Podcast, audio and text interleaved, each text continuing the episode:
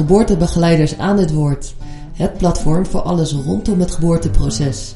Hartstikke leuk dat je er bent. Ik hoop je bij elke aflevering te verrassen met nieuwe informatie, invalshoeken en bijzondere verhalen van verschillende geboortebegeleiders. Zodat je hierdoor geïnspireerd en gesteund mag voelen in jouw proces. Laat mij vooral weten wat je ervan vindt via geboortebegeleidersaanhetwoord.nl. Ik wens je veel luisterplezier.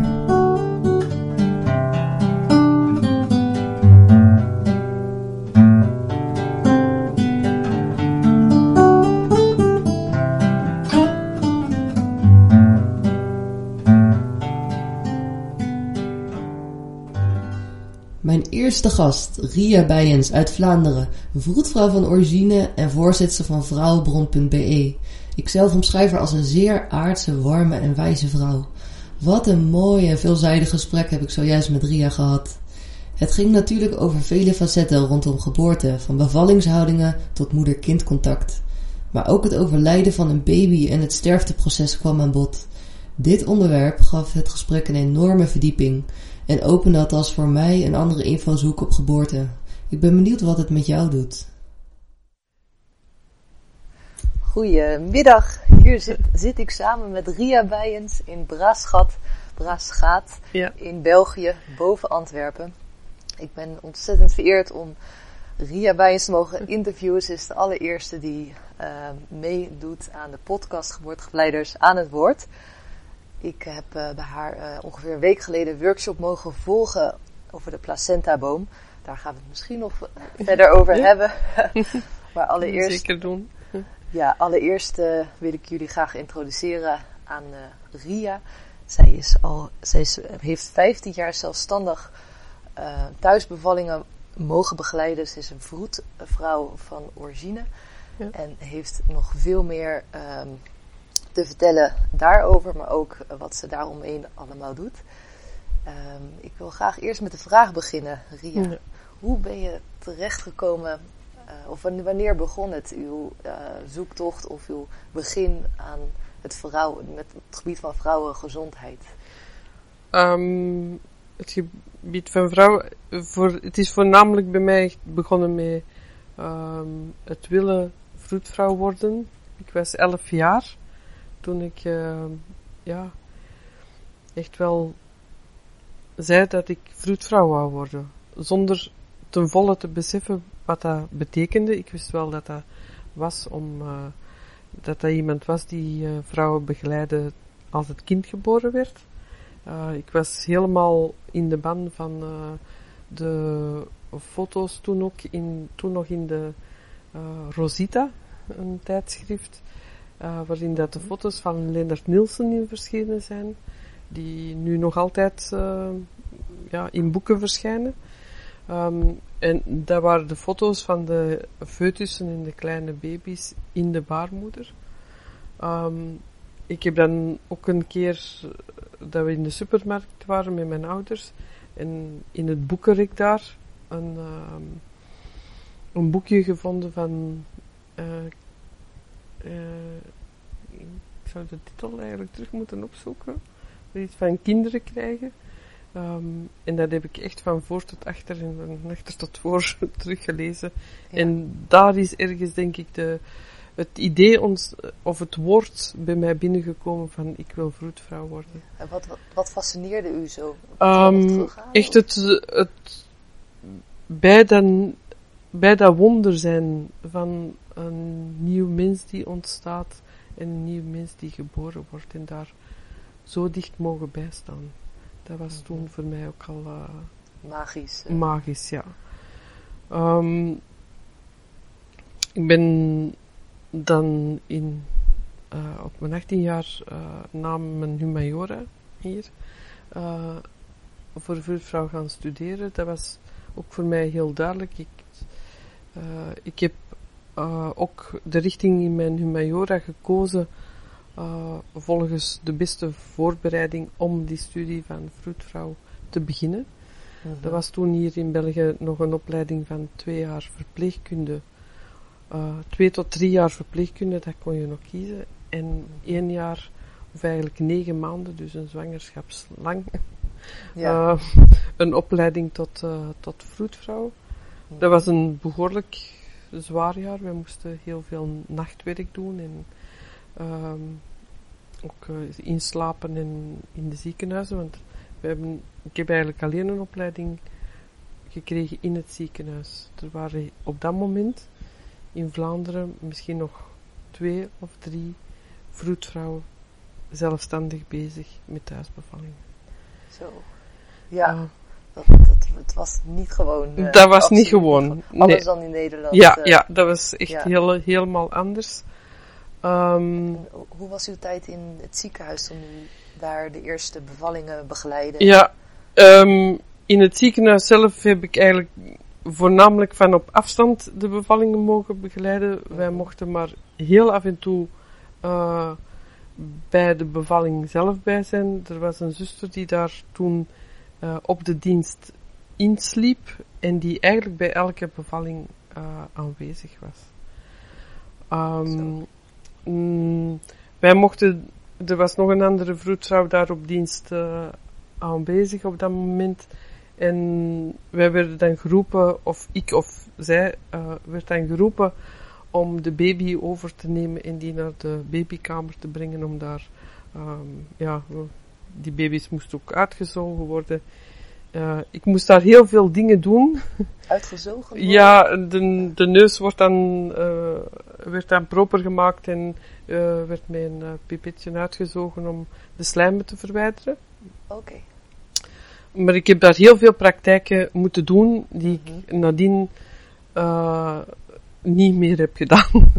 Toen u zelfstandig Toen ik zelfstandig Ja. was, dat ik dacht van, dit is eigenlijk niet een leuke manier om geboren te worden. Uh, in die periode was ook uh, de Stichting Lichaamstal al uh, behoorlijk veel Mhm. aanwezig. Um, en die gaven ook in Antwerpen, in deze omgeving, gaven die ook filmavonden met Mhm. bevallingen met, rond natuurlijk bevallen, rond verticaal bevallen. Mhm. Dat was allemaal iets dat ik nooit gezien had, nooit over gehoord had. Nee. maar dat mij zo trok en zo uh, voelde als van, ja, dit klopt voor mij wel helemaal. Dus het was begin jaren tachtig. Uh, dat was begin ja. jaren tachtig, ja. ja. Was u nog uh, net in de twintig? Ja, ja, ja. Ja. Ik was uh, 21 toen ik afstudeerde en ik Mm -hmm. ben, ik was 25 toen ik met mijn zelfstandige uh, praktijk ben begonnen. Um. Dat ook helemaal heb moeten uitzoeken hoe dat ik dat hier kon doen, want er was het enige wat ik daar in mijn opleiding, over gehad was, was één zinnetje. En dat was zo van, je kunt ook nog zelfstandige vroedvrouw worden. uh, maar één en, zin was En al de rest was, ja. was allemaal, je kunt uh, op een prematurendienst gaan werken, je kunt uh, in een verloskamer gaan werken, alle dingen in een ziekenhuis. Mm -hmm. um, maar dat kennen we genoeg, want daar, daar hadden we allemaal stage gelopen. Um, ja. Maar dat zelfstandige, maar dan mocht je helemaal zelf uitzoeken hoe je dat dan ja. deed. Hè? Dat dat dan uh, in zijn werk ging, ook met terugbetaling en die, en die dingen meer. Um, maar ik ben er dan uiteindelijk toch, uh, toch mee begonnen, omdat dat, dat voor mij ook veel natuurlijker voelde. Ik vond dat de vrouwen de kans moesten krijgen om, als zij daarvoor kozen, om thuis te bevallen, dat ze dat ook konden. Mm -hmm. um, en van daaruit heb ik zelf ook een stuk die keuze dan gemaakt. Uh, maar ook omdat ik eigenlijk al een soort burn-out had van in het ziekenhuis te werken, om, omdat ik zoveel dingen moest doen die uh, tegen mijn, uh, voelbaar tegen mijn natuurlijke aanvoelen ingingen. Mm -hmm. um, ik heb eigenlijk via een gynaecoloog de kans gekregen om een eerste thuisbevalling te doen. Uh, 5 december in 84. Um, dat voelde ook heel veilig om dat te doen, omdat de moeder van die vrouw er ook bij was. Mm -hmm. En zij had in de naoorlogse jaren, uh, ja, ik geloof wel meer dan duizend thuisbevallingen gedaan. Uh, en dat, Ja. dat was voor mij een steun om, eh, om Ja. dat te doen. Dat was ook nog een bevalling waar dat de huisarts ook nog bij was. Ehm nadien heb ik dan eh, uiteindelijk niet meer gedaan. Deed ik alle bevallingen, allee, of eigenlijk de begeleiding van de geboortes meestal alleen. Ehm, maar toen waren we dus met, met drie. Mhm. En als ik er nu op terugkijk, of als ik er naar terugkijk, zelfs van, van, eh, van een jaartje eh, na die datum, dan was dat een verplaatste ziekenhuisbevalling. Mhm. Toen deed ik nog heel veel dingen zoals ik het geleerd had, Mhm. eh, zoals ik het gezien had in het ziekenhuis. Ja. omdat dat ook de. was zoals, ja. ehm, dat was het veilige. Ja. Eh, dat- zo hadden we dat geleerd. Dus zo moest dat gedaan worden, want anders ging een vrouw doodbloeden of ging ze.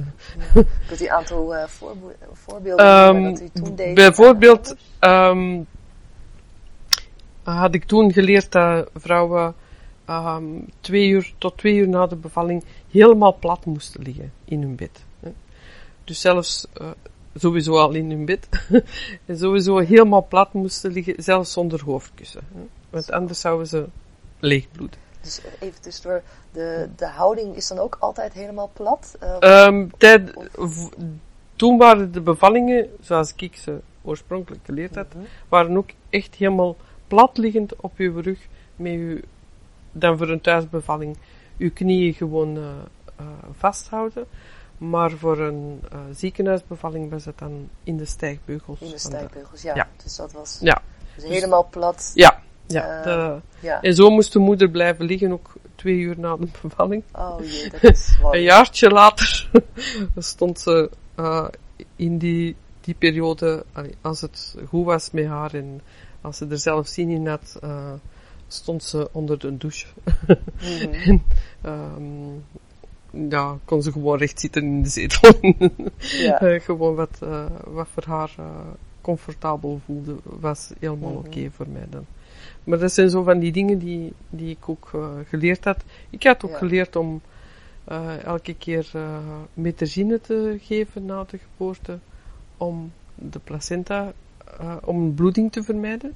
Eigenlijk. De metazine? Metazine. Metazine. Ja, ik, ehm, ik weet niet. eh, dat is, eigenlijk is dat moederkoren, eh, maar dan in een synthetische vorm, ehm, die gebruikt wordt om de baarmoeder te doen samentrekken. Dat heb ik ook heel snel afgeleerd. Ehm, eh, en in de beginnen was het zelfs ook nog zo dat er eh, ehm, een- andere vroedvrouw die eigenlijk net gestopt was toen ik begonnen ben, heb ik een jaar of enkele maanden later mogen ontmoeten. En zij had daar al een heel traject in gegaan en ze zei tegen mij ook van, kijk, eh, als je je niet veilig voelt de eerste keren, eh trekt gewoon die spuit op, hè, maakt ze klaar. En Mhm. als het nodig is, kun je het dan alsnog geven. Ehm je zit er niet met de, met de stress van, oei, ik heb dat nog nodig. Maar ze zei van, je gaat zien, je gaat dat na een paar keer gaat dat gewoon wel laten. En eh, Ja. het eh, gewoon weten van, ik heb het bij, als het nodig is, kan ik het altijd eh, geven. Mhm. Dus zou u het, zeg maar, toen u wat, een aantal jaar in het proces zat van zelfstandig eh voetvrouw, zou u het proces kunnen beschrijven wat, wat, wat u meemaakt samen met, met de vrouw? vanaf Ja. wanneer bent u er? Wat, wat, ja, wat zegt u? Wat, wat gebeurt er? Ja. Eh, eventueel een, een ervaring die u zegt van nou die wil ik nog aanhalen, omdat Ja. het een mooi voorbeeld is. Of Ja, om een beeld te krijgen van eh, mm, als als ervaring als voetvrouw. mm, er zijn er zoveel. Ja.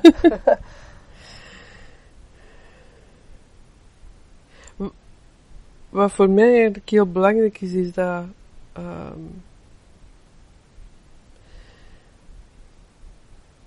en wat in, in de loop van de jaren eh, duidelijker en duidelijker is geworden, maar wat voor mij eigenlijk wel van in het begin zo was, maar zonder dat ik mij er 100% bewust van was, dat ik er zo over dacht, Mhm. is zo het stukje van, kijk, ik, ik wist natuurlijk meer dan de doorsnee vrouw over bevallingen zelfs. Hè, als je pas afgestudeerd bent, heb je meer, zeg maar, technische achtergrond. Mhm.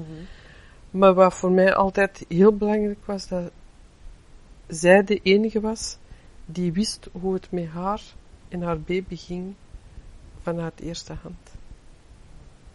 En Gelooft in haar Ja. als ja, vrouw. ja, dat, dat was eigenlijk een heel duidelijk eh, ehm, gevoel van, van in het begin van eh, ik ben wel geschoolde toeschouwster, ehm, maar het is haar lichaam en het is haar baby en de baby natuurlijk van het koppel, maar het is, het is zij twee die, eh, ja, die zelf ook mogen aangeven wat er kan en wat er niet kan. Mhm. Eh, en die eigenlijk de, de hoogste kennis in zich dragen over zichzelf. Ehm, dat was voor mij, mm, ja, hoe ik eigenlijk altijd ook gewerkt heb. Mhm. Ehm, natuurlijk met, met al de dingen erbij die ik heb mogen afleren. Eh, om minder en minder te doen. ehm, en, en meer en meer in dat stuk te gaan, in die vrouw mm, het vertrouwen te geven. Ehm, er werd mij heel dikwijls gezegd dat ik eh, dat ze zich dat ze heel veel vertrouwen voelde ehm, als ik er was. Ehm, en ik heb heel dikwijls gevoeld dat ik ehm, dat dat nog het allerbeste werkte als ik mij zodanig kon laten verdwijnen in de ruimte dat ik eigenlijk een stukje meubilair werd. Die alleen maar tevoorschijn kwam als, als dat gevraagd werd of, werd of als dat nodig was. En dat het koppel en de moeder en het kind eigenlijk helemaal eh, hun eigen ding konden doen. Oh, dat is een ultieme vorm van service. Ja. Ja, dus eh, het ding ook van hands-off, van je komt daar niet aan als, eh, als dat niet nodig is. En- Had u wel eens angsten? Want dat, dat kan, ik kan me voorstellen dat u dan heel erg sterk in het vertrouwen. ja, Het lijkt me af en toe behoorlijk spannend eh, op momenten. Maar ja, de, dat is er absoluut altijd mee. eh, Maar waar ook altijd, ehm, want ik heb ook wel echt wel eh, spannende dingen ook m- meegemaakt. Maar bijvoorbeeld ook een, een placenta die was blijven vastzitten en die dan in het hospitaal moest eh, verwijderd worden. Ehm, en dan het transport naar het ziekenhuis en al die dingen erbij, dat was best echt wel ehm, eh, spannend. En om dan bij de volgende eh, arbeid te komen, bij de volgende zwangere te komen en te weten van, oké, dat is daar nu gebeurd, hè. Maar dat rechtvaardigt niet dat ik die vrouw die nu hier bij mij is, of waar ik nu bij ben, dat ik die anders zou gaan behandelen. Dat wil zeggen, vroeger zou gaan, eh, ja, ja, dingen doen, ingrijpen, eh, omwille van dat ik ene keer gezien heb dat ik heb moeten ingrijpen. Mhm. En dat we, ik was mij daar heel bewust van. Dat, dat dat eigenlijk de methode was waarop dat heel veel in de medische wereld uiteindelijk naar het supermedische eh verandert. Dat is omdat dat wij als zorgverstrekkers met, ehm, met dingen worden geconfronteerd die ons ook behoorlijk door elkaar eh, schudden. En dat we vanuit die ervaring en vanuit die angst eh, eigenlijk met grotere angst naar een volgende eh, geboorte gaan in dit, dit geval. En dat we van daaruit dingen gaan doen die eigenlijk in die situatie niet gepast zijn. Mhm. Dat we te vroeg gaan ingrijpen, dat we regels gaan zetten van er moet dan dat en er moet dan dat. En, Mhm. eh, waardoor dat we het eigenlijk allemaal al gevaarlijker maken op zich. Mhm.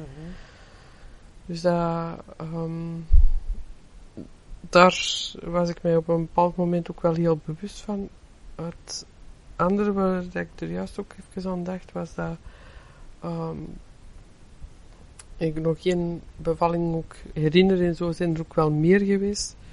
Dat op een bepaald moment weet van dat nu moet het kind echt wel komen. Er is, dat, ik aanvoelde dat er een zekere nood was bij het kind, of dat ik het ook kon zien aan de parameters. En dat ik weet dat ik uh, tegen een vrouw heb gezegd, en nu duwen. en dat ik nadien zei van, wauw, bedankt dat jij zo gereageerd hebt, want uh, dat was allemaal heel goed. En, en ze zei, ja, maar ik durf niet anders. je, je, je waart zo duidelijk in, in de boodschap van, het moet nu. Ja. Dat ze daar echt ook, uh, ja, reageerden. op reageerden. En, um, wat ik ook heel dikwijls in, bij die baringen had, was mm, de, ik sprak niet altijd zoveel. Uh, tijdens de bevallingen zeker niet. Maar dat het oogcontact met de moeder was eigenlijk heel belangrijk. Via, um, ja, uw ogen kunnen eigenlijk heel veel meegeven.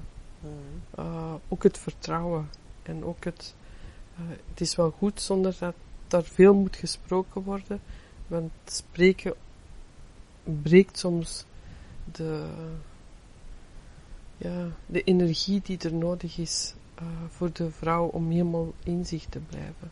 Mhm. En om helemaal verbonden te blijven in het, uh, in het proces. Mhm. Um, dus om de vrouw de vertrouwen te geven dat ze het kan, is voor Ja. U, gelooft u heel sterk van het juist het, het, ja, het non-verbale, Ja, juist het, ja. het- de, gewoon de blik en dat u het vooral Ja. zelf voelt. ook. Ja, ja, en dat, dat doordat ik eh, zelf wel een, een heel diep vertrouwensgevoel had in een baring, eh, die ik misschien vanuit mijn eigen geboorte, die heel vlot gegaan is, meegekregen heb. Mhm. Ehm, dat ik de, dat vertrouwen eigenlijk in mij droeg en dat ook kon bij die vrouw kon brengen, bij dat koppel kon brengen. Mhm.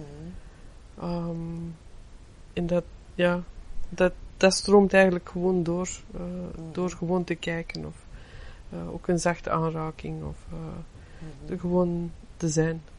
En, en de partner, de man, hoe kon u met hem eh, communiceren? Of ging dat vanzelf? Of was Ja. het voor u? Heel vaak is het ook zo, veel van de, zeker ook eh, later de bevallingen waren, ehm, ik heb ook nog een, een baarkruk eh, gehad die mijn vader zelf had gemaakt. Eh, ehm, mm, w- waren, ja, dus zittend op een baarkruk gehurkt ehm, eh, in een bad. mm, bestaande. Hè, dat, eh, en dan Alles kon voorbij u. alles, Ja. ja, ik, ik zeg heel vaak tegen de mensen zo van, de enigste manier die ik, die ik denk dat niet gaat, is dat op uw kop gaat staan. maar voor de rest gaat alles. Ja. Handen en voeten, ehm, ja.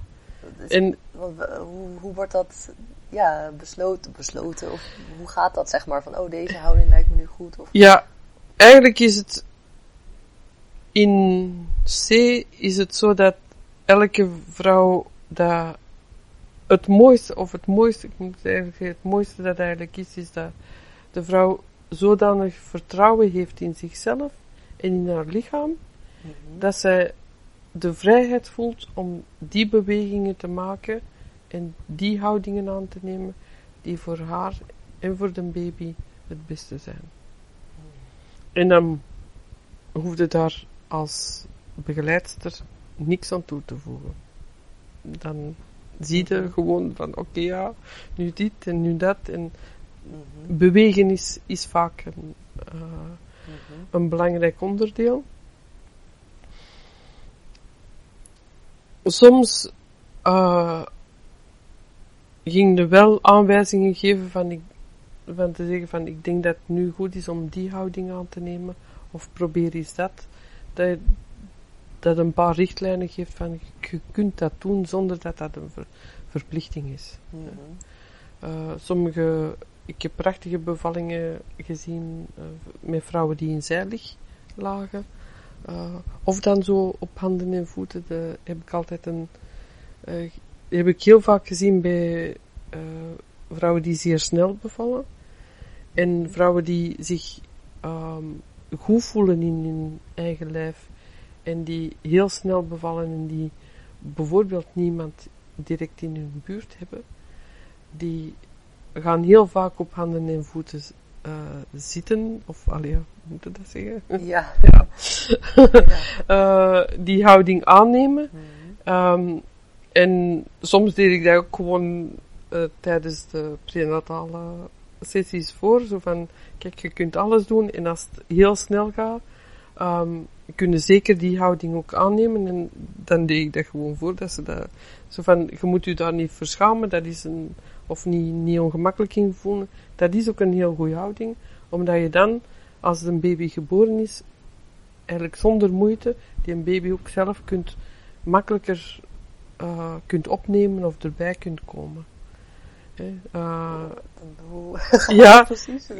ja, ik kan het nu maar als je op je handen en voeten Ja. ehm, zit, dan ga je eigenlijk heel makkelijker rechtkomen. En dan komt je Ja. eigenlijk in een soort hurkhouding, Mhm. maar dan ligt die een baby, als hem geworden is, tussen je benen en kunnen die gemakkelijk zelf opnemen. Mhm.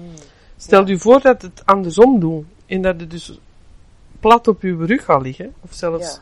zelfs een beetje gesteund, dan vraagt dat een enorme inspanning om Mhm. u voorover te trekken naar die baby tussen uw benen. Ja, omdat natuurlijk.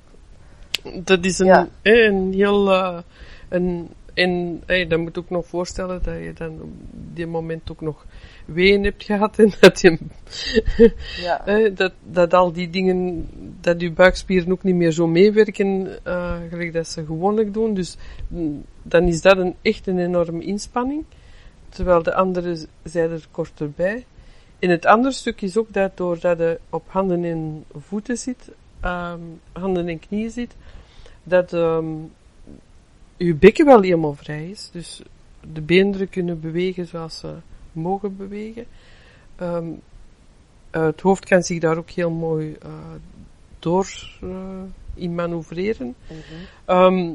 En er is nergens geen druk. Plus, de zwaartekracht werkt dan niet mee.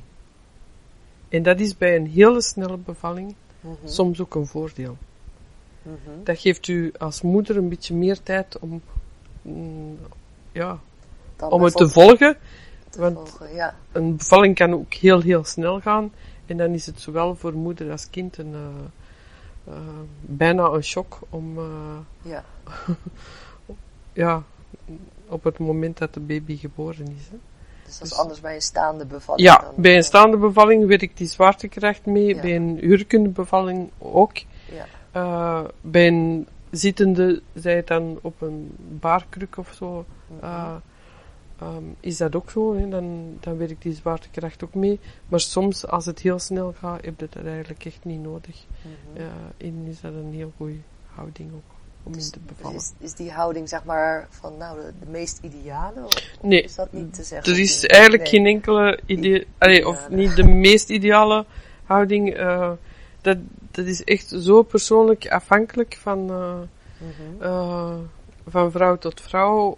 Ehm, soms kan het ook zijn dat, ehm, en daar, via de homeopathie heb je daar dan wel wat, wat dingen in, maar bijvoorbeeld, eh, sommige vrouwen hun weeën stopten op het moment dat ze recht gingen zitten. Ja. Die hadden perfecte arbeid, eh, heel goede weeën uh, Mhm. als ze op hun zij lagen in bed. En die kwamen recht zitten mm, met het gevoel van, oh ja, ik wil zo bevallen. Mhm. Weeën weg. Terug gaan liggen, ops. Ja. um, dus het is echt gewoon, ehm, ja, wat zich op dit moment aandient. Het is de combinatie tussen moeder en kind. Uh, dat samenspel, dat maakt dat, dat een arbeid verloopt zoals dat die verloopt. Ja. Uh, ik heb ook gehad met vrouwen die in het water wilden bevallen. Um, een heel constructie. Nu is dat allemaal al een beetje simpeler in die zin van je kunt die mhm. dingen al huren, maar toen was dat echt nog allemaal uh, zelf uitzoeken hoe dat het dat moest doen. Um, en die dan bij wijze van spreken hun grote teen in dat water steken en zeggen van, oh nee, ik blijf hier geen vijf minuten in. en die naast de kachel. ja.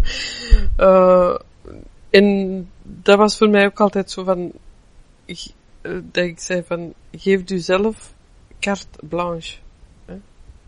Laat, mm -hmm. zodanig dat je echt alles, dat je van jezelf alles mag. Mm -hmm. Als vrouw, als moeder. Uh, normale leven niet, maar dan... Ja, toch ook wel, maar oh. dan, maar vooral ook zo, wij, wij zitten toch allemaal met zo uh, bepaalde ideeën of, uh, oftewel um, van dingen die niet mogen of dingen die ook moeten. Hè.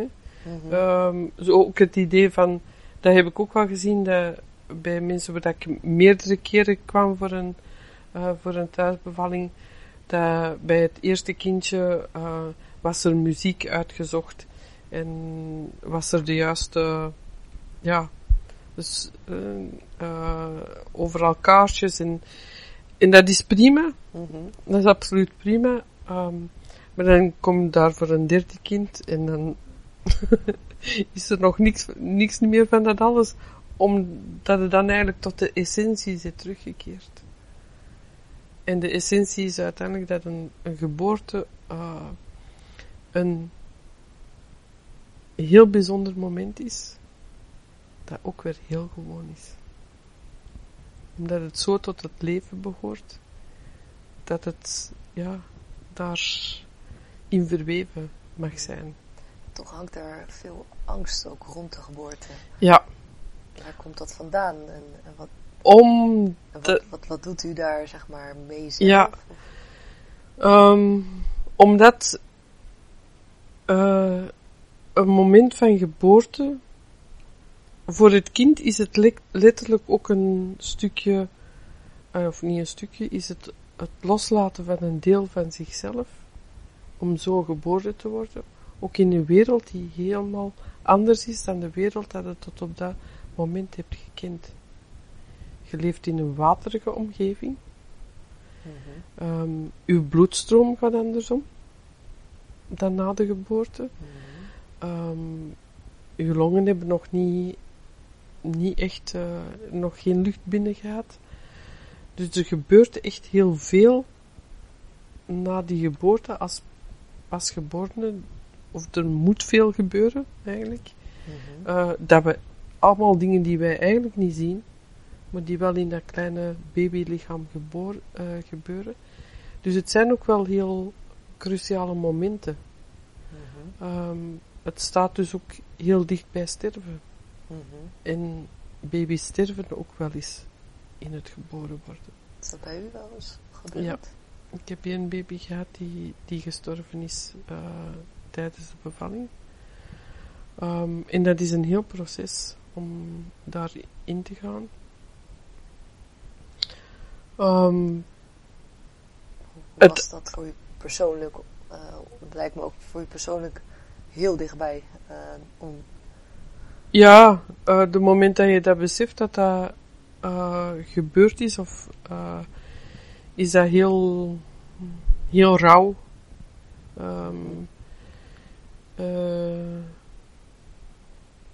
maar het is bij die vrouw ook nog heel spannend geweest, omdat zij um, in de nasleep van die geboorte ook nog haar baarmoeder is kwijtgeraakt.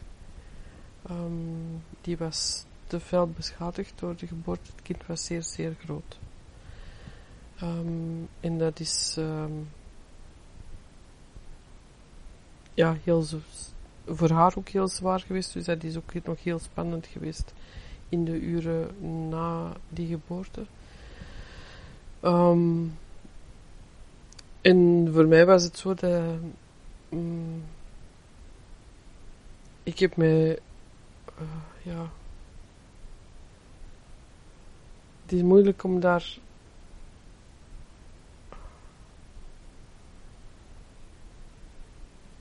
Nee. ehm, ja, ik vind dat misschien een beetje moeilijk om, om, de, om die mensen hun, ja, hun privacy niet te schenden. Mhm. Ehm, mm. Maar voor mezelf, eh, dat zijn de momenten dat je op één nacht, één dag, eh, ja, tien jaar ouder wordt. Ehm, ik weet nog dat ik zanderdags bij haar op bezoek ging in het ziekenhuis en dat ik eigenlijk met een auto ramper uitgeraakt omdat ik gewoon elke spier in mijn lijf zeer deed. Eh, dat ik overal pijn had, ehm, omdat dat zo intens was geweest. Mm. Dus ehm, Heeft het u veranderd in, ja, in het proces daarna, de bevalling die u daarna nee. gemaakt? ey, alleen dat je met nog meer ontzag eh, naar heel dat proces kijkt, eh, nog met, met meer eh, verbinding met die dingen bezig gaat zijn, dat je nog minder ehm, mm, dingen, al, dingen als vanzelfsprekend gaat zien. Eh, dat zeker wel. Mm, nu, Ja. ik, ik heb een heel mooi contact blijven houden met die mensen. Maar dat is ook nog een begeleiding geworden die, die veel langer natuurlijk heeft nageduurd. Wel een stuk kunnen bespreken. Ja, ja, ja, ja, ja, ja, ja, ja. Ehm, Ja, het gaat eh, Ja. heel diep eh, Ja, fysiek. en- ja. Nu, ehm, al die dingen hebben mij ook wel gebracht tot. eh, ehm,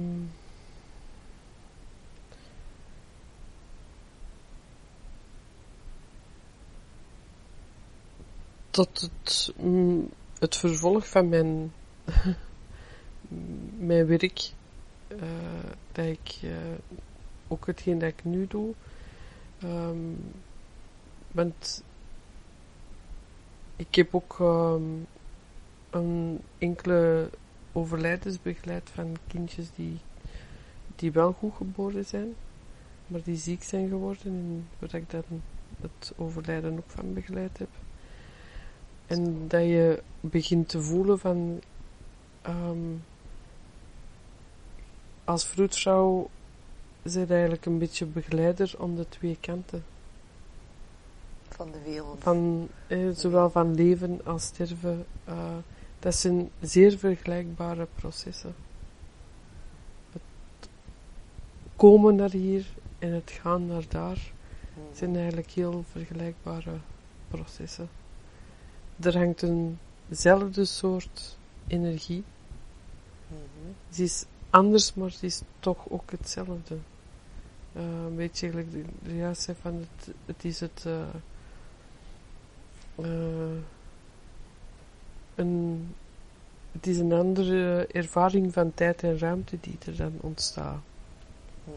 En dat is zowel met de bevallingen zo, ehm, als met overlijden zo. Hoe, hoe zou u die energie, zou u dit kunnen beschrijven? Ehm een manier om die te benoemen is, eh, we kennen allemaal het begrip chronos. hè, dat is de tijd en dat is onze, ons uurwerk. Mhm. dat een bepaalde tijd aangeeft. Eh, maar er is er nog een ander begrip en dat noemt kairos. En dat, dat geeft eigenlijk meer die tijd aan die een beetje tijdloos is. Uh, en dat is hetzelfde ehm, als wij in, als we in een op een feestje zitten waar dat heel leuk is, dan vliegt de tijd Mhm. soms voorbij of dan blijft die soms heel lang in hetzelfde hangen. Eh, Mhm.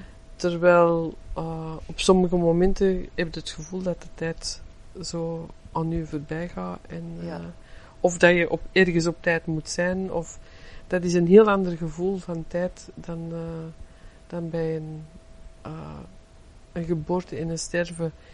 In beide, ik, tijdens bevallingen heb ik ook heel vaak gehad dat eh, soms wel vrij veel op de klok ontzien zij, omdat je wil weten van hoe, dik, hoe kort komen die weeën nu op elkaar en hè, je, je zit een beetje op die dingen of geteld. ehm en nu is dat allemaal met eh, digitale dingen, maar wij moesten vroeger nog eh, de hartslagen tellen.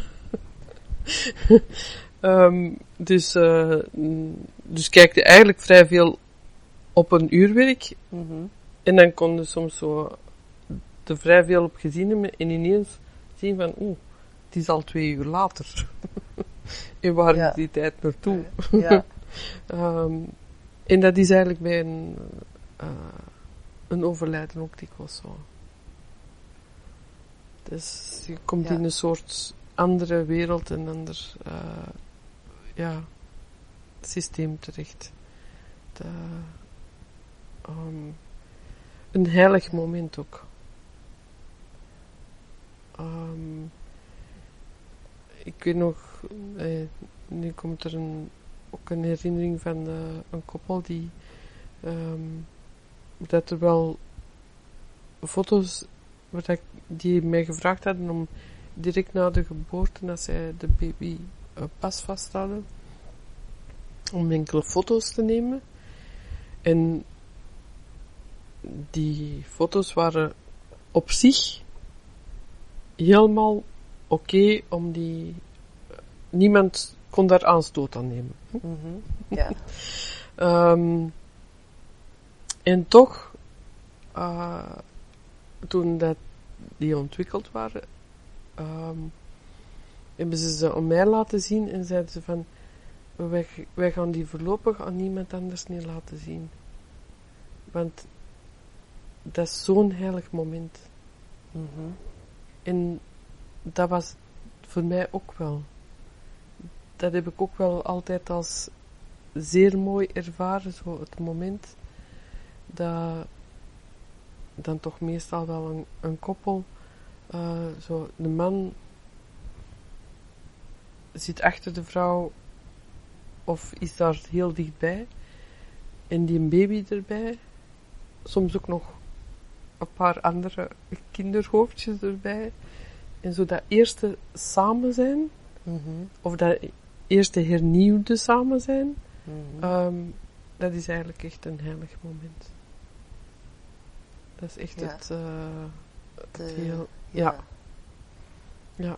Zo zuiver en Ja, bril tegelijkertijd. ja. En ja, absoluut.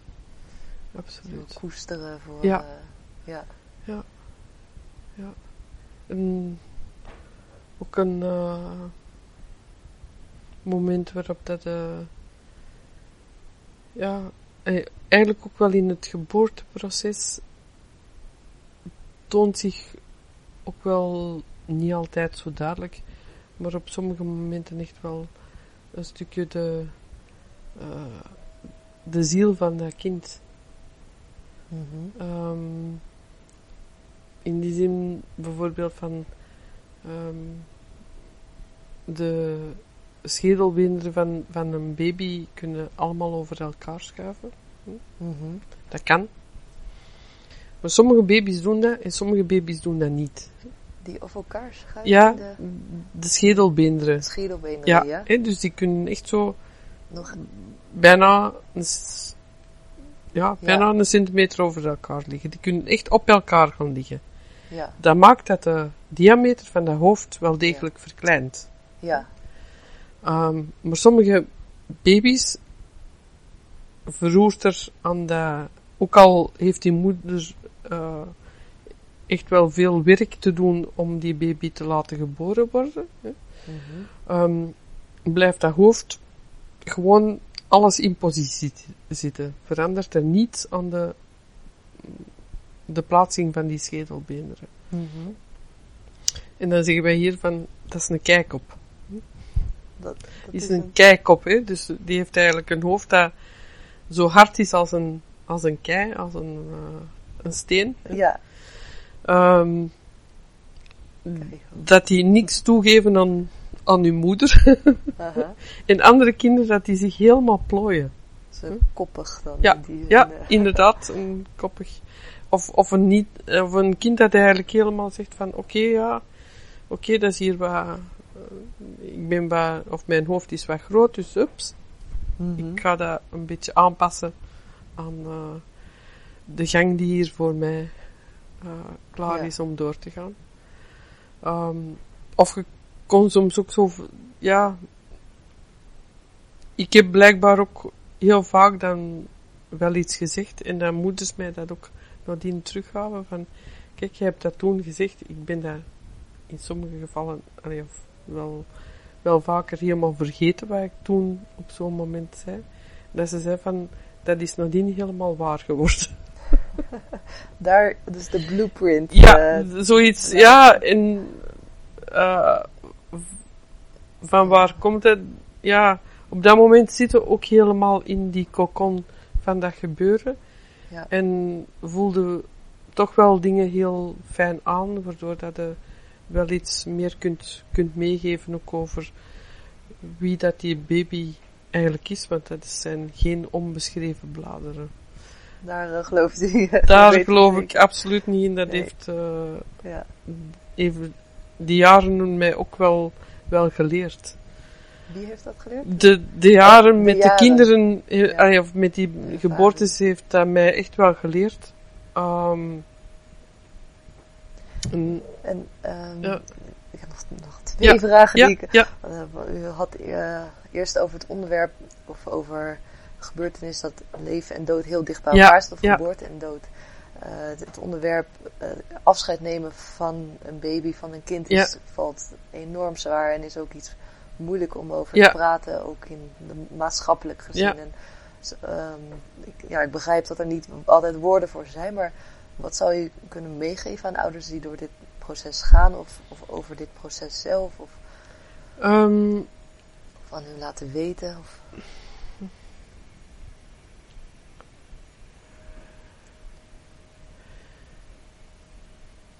om er eigenlijk altijd voor te zorgen dat ze eh, heel veel tijd nemen met zo'n kindje. Ehm,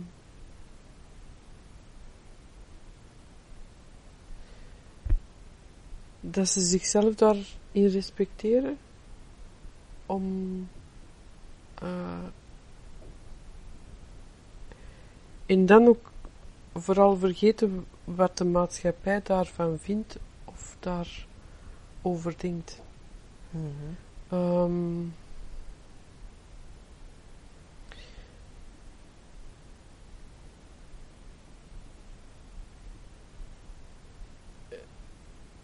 in, bij nog een ander eh, gezin ehm, is het dertiende kind pas geboren nadat het gestorven was in de laatste week eh, in utero, dus in de baarmoeder.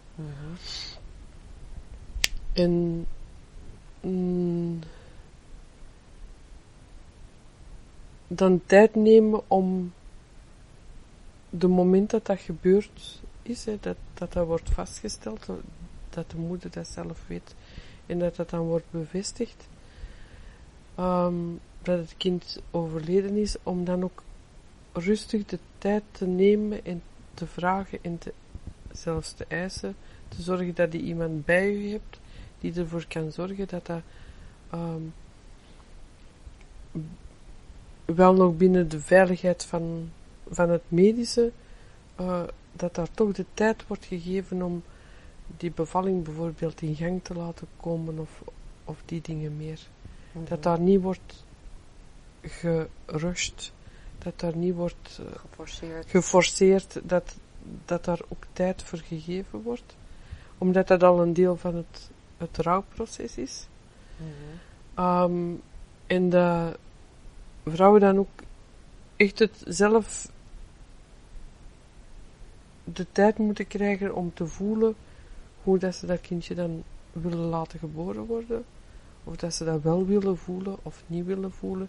En dat ze dat zelf ook helemaal mogen eh, beslissen. Ehm, en zoals dat in dat gezin gegaan is, zijn al die eh, kinderen erbij gekomen, hebben ze het eigenlijk ook toch kunnen geregeld krijgen dat het, zij wou dat babytje thuis opbaren voordat het begraven werd. Ehm, en dat hij op die manier heeft heel dat gezin daar helemaal afscheid van kunnen nemen. Mhm. Want dan lag dat babytje in een kamer en ehm, ik denk dat de, de jongste eh, toen vier jaar was en de oudste zal al wel veertien of zo geweest zijn.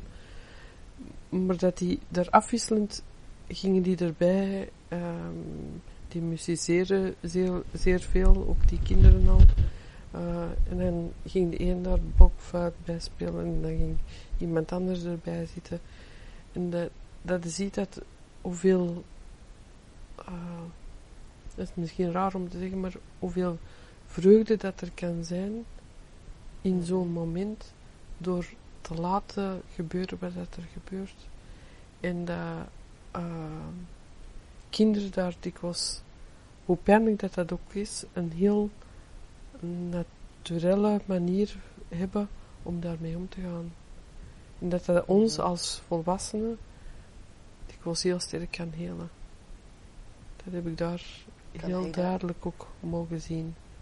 Van hoe de kinderen ermee omgaan. Hoe de kinderen daarmee omgaan, hoe die daarbij kwamen, daar soms ook gewoon kwamen binnen eh dartelen, eh, huppelend er binnen kwamen, even een kusje geven en hup, stuk buiten, verder spelen.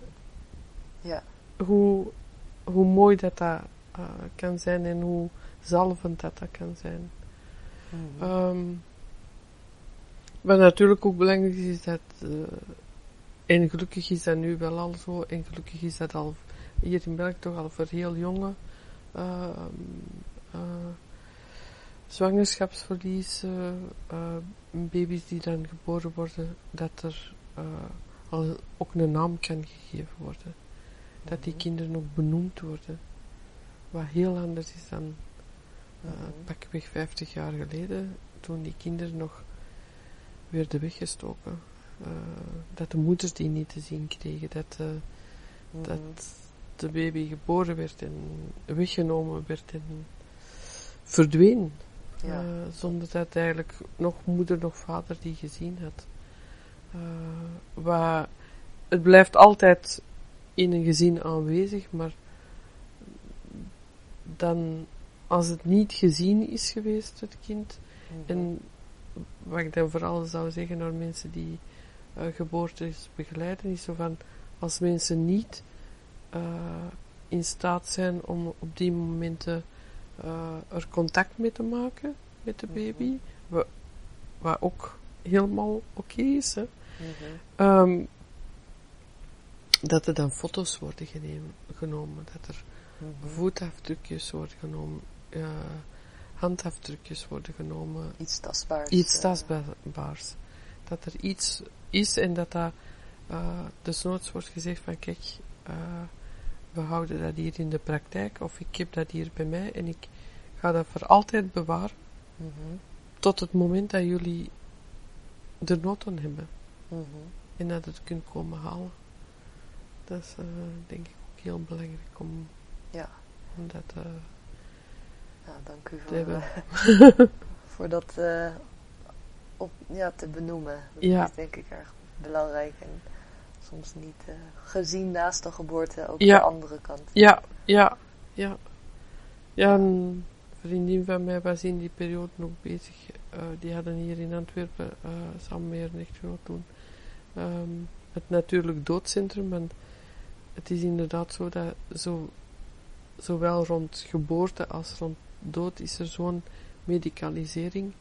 ehm, dat er ook nood is om dat allemaal terug wat op natuurlijkere wijze, eh, wijze te laten, Mhm. ja, laten gebeuren. En om op, in allebei de terreinen ook tijd te laten om de processen te laten ge- gebeuren die er te gebeuren staan.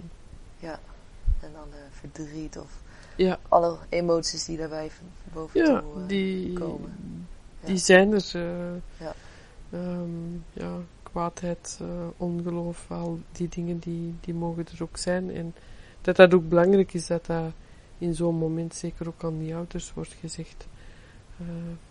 Mhm. wat ik ook altijd zei in zo'n situaties was van ehm, gelijk met welk rouwproces is dat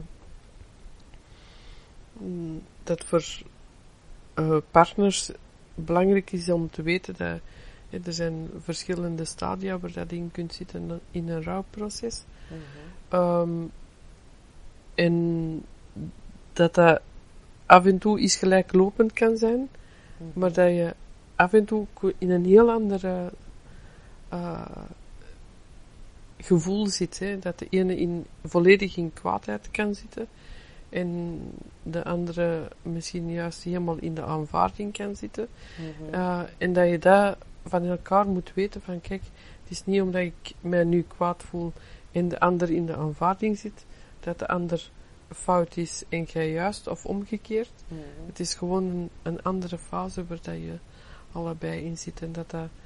eh, En man-vrouw verschil, is- denkt u dat dat nee, op zich, meespeelt? ja, op zich is het soms zo dat, mm, maar even goed, soms is het voor vrouwen even goed, soms heel moeilijk om daarover te spreken. Eh. En ik denk dat het vooral belangrijk is dat zij weten dat dat zo verschillend kan zijn. En mm, dat het soms goed is dat er iemand anders is die zij kunnen contacteren. Mhm. Of dat, dat ook de ehm zorgbegeleidster die het er op dat moment bij was bij de, als het dan over eh, geboortes gaat of eh, zwangerschapsverliezen, dat, ehm, dat er ook kan teruggegaan worden naar, naar die begeleidster of begeleider. Mhm. Omwille van het feit dat, dat er soms nog vragen zijn.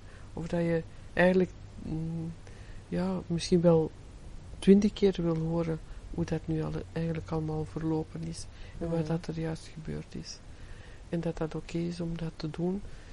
En dat die ook soms wat kunnen begeleiden in het stukje van eh, Mhm. hoe ga jij er om, mee om en eh, hoe gaat de ander ermee om. Mhm. Ja. Ja, dus het heeft eh, eigenlijk voor iedereen een, Ja. een, een, een impact. eh, Ja. en, Ja. En Ja, bij u heeft het ook geleid tot nieuwe paden die u daarna bent Ja. gaan belopen. ja, ja, Ja. ja. Hoe voelt u zich op dit moment? Wilt u even pauze, wat drinken? Of zegt u nou, we gaan weer Ja, ik kan even drinken. even drinken? ja, dat is zeker. Ik kan dan ook even stopzetten hoor. Dat, eh, En dat is wel oké. Ehm, mm, Ja, want Ja. heeft eh, inmiddels ook een... eh, wil- wilt u nog iets zeggen over dit onderwerp? Of? mm, Dit nee, het is, of- dus oké. Dan, ehm, ja, op zich heeft dat mij, of veel, eh, zowel die ervaringen, dus eh, eh, zowel in de, de geboortes en, en het sterven, eh, die ik een paar keer mee begeleid heb. Ehm, als ja, mm, of misschien anders zeggen. Ik heb heel veel mogen leren uit al die begeleidingen die ik heb mogen doen. Ehm, ik was altijd heel dankbaar van elke geboorte die ik mogen bijstaan. Ehm, en ik zeg soms wel van ik heb mm, bevallingen gedaan, maar op zich voelt dat nog altijd niet helemaal correct. Eh, ik, begeleiden het, het geheel, maar uh, het is altijd de moeder die, die bevalt en die het kind ter wereld brengt. En uh, als vroedvrouw staat er daar gewoon naast. Mhm. Als partner ook altijd. Uh, heb ik heel vaak gezegd van, en dat is in die stervensprocessen ook zo van, je kunt daar alleen maar naast staan. En je kunt een hand vasthouden.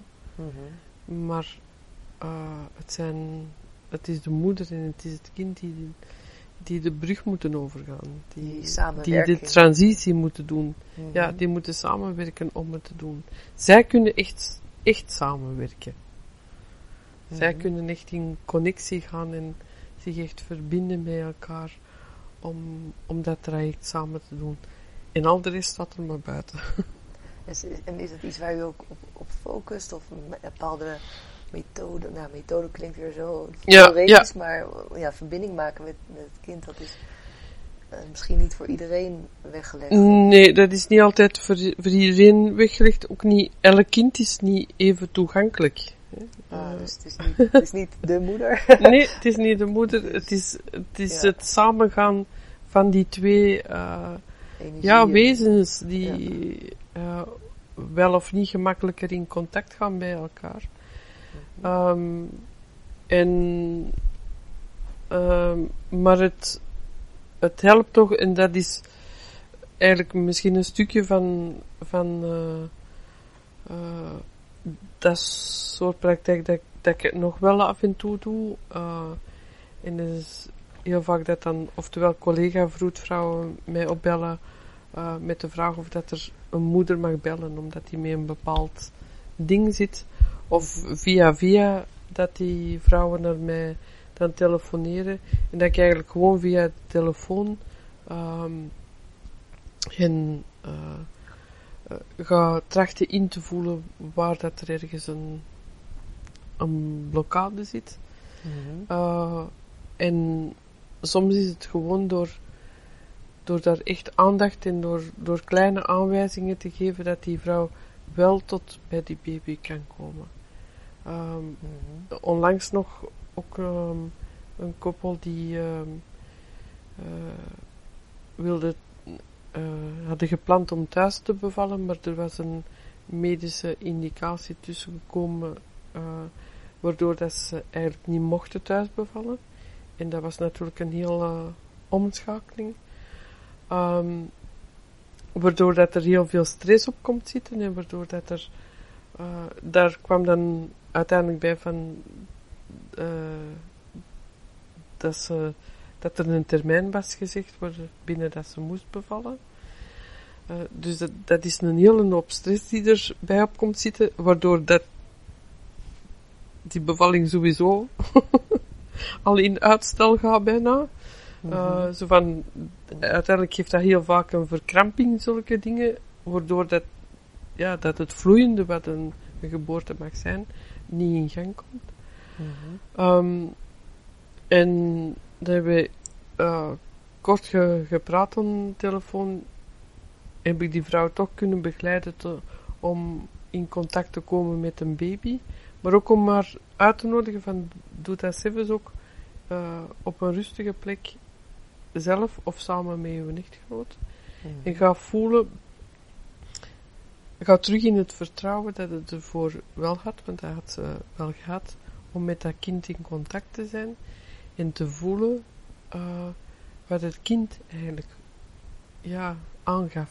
Mhm. Uh, en terug in dat vertrouwen te gaan. En uiteindelijk is dat wel een ziekenhuisbevalling geworden, maar met de uh, vroedvrouw die ze vanuit een centrum dat ze waren, uh, eigenlijk het liefste hadden. Mhm. Um, en is het in het ziekenhuis nog helemaal natuurlijk allemaal kunnen gaan. Buiten het feit dat er nadien meer controles op de baby zijn gebeurd dan, dan, uh, dan het normaal zou geweest zijn. Mhm. Omwille van de medische conditie. Mhm. Mm, en een van de manieren om dat te doen is om um, ja, uw ogen te sluiten, echt helemaal naar binnen te keren en vooral ook in het bekken te gaan ademen. Want wat, Mhm. wat doen wij algemeen als we stress hebben, zelfs als we niet zwanger zijn, Ja, dan hoog. gaat al, al uw energie eh, boven zitten, tot misschien alleen in je hoofd.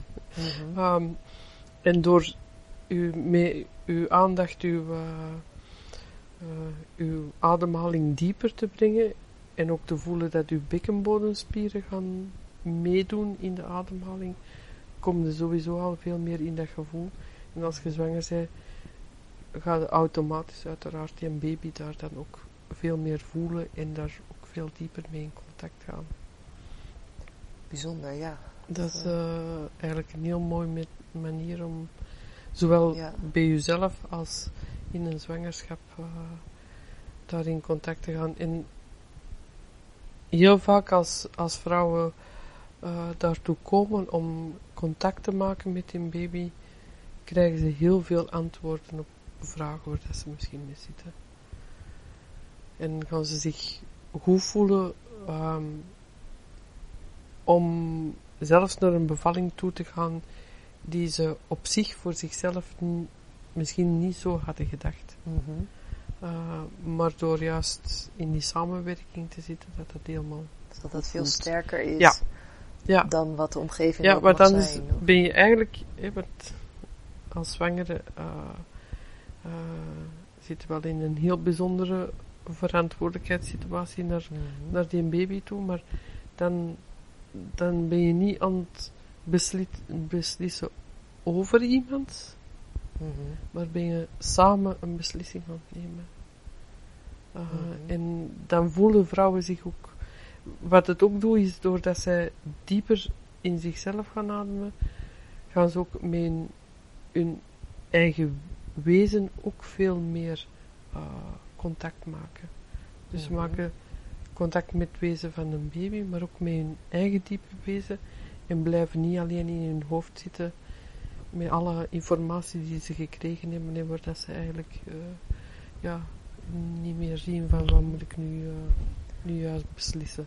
Dus dat is, dat is ook een remedie tegen angst eigenlijk. Ja, de absoluut. Ademen sowieso. pijn. Of, of hoe, hoe, hoe, hoe zou u ja, omgaan met pijn, met hele heftige pijn die vrouw kan hebben? Ook door, door het heel diep ademen, maar ook natuurlijk voldoende uitademen, hè, want anders krijg je een hyperventilatie.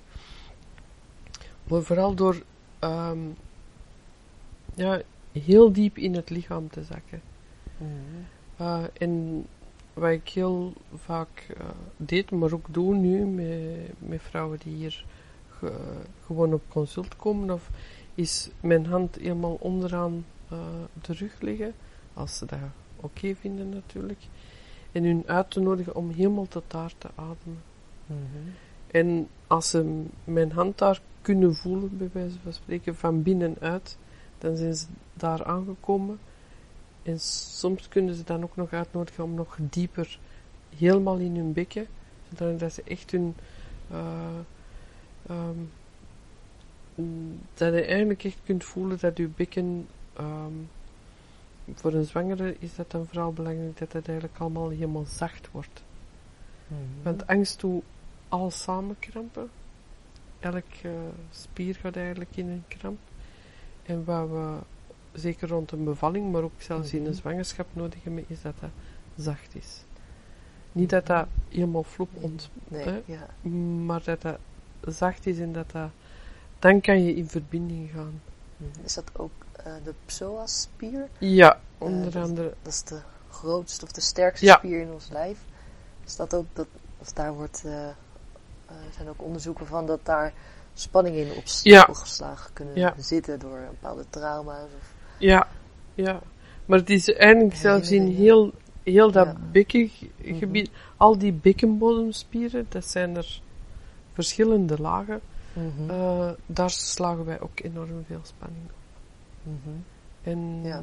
dat juist ontspannen en daarop ademen, dus eigenlijk ook uh, uh, als vrouw dan je vulva, als je neerzit op een zetel en je zit vrij recht, voelen dat je je vulva eigenlijk in de zetel ademt. Mm -hmm. En dat die zo op en neer gaat. En dat die met elke ademhaling, uh, je mocht zelfs nog kiezen of dat is nu um, naar beneden laat gaan of in de zetel laat komen.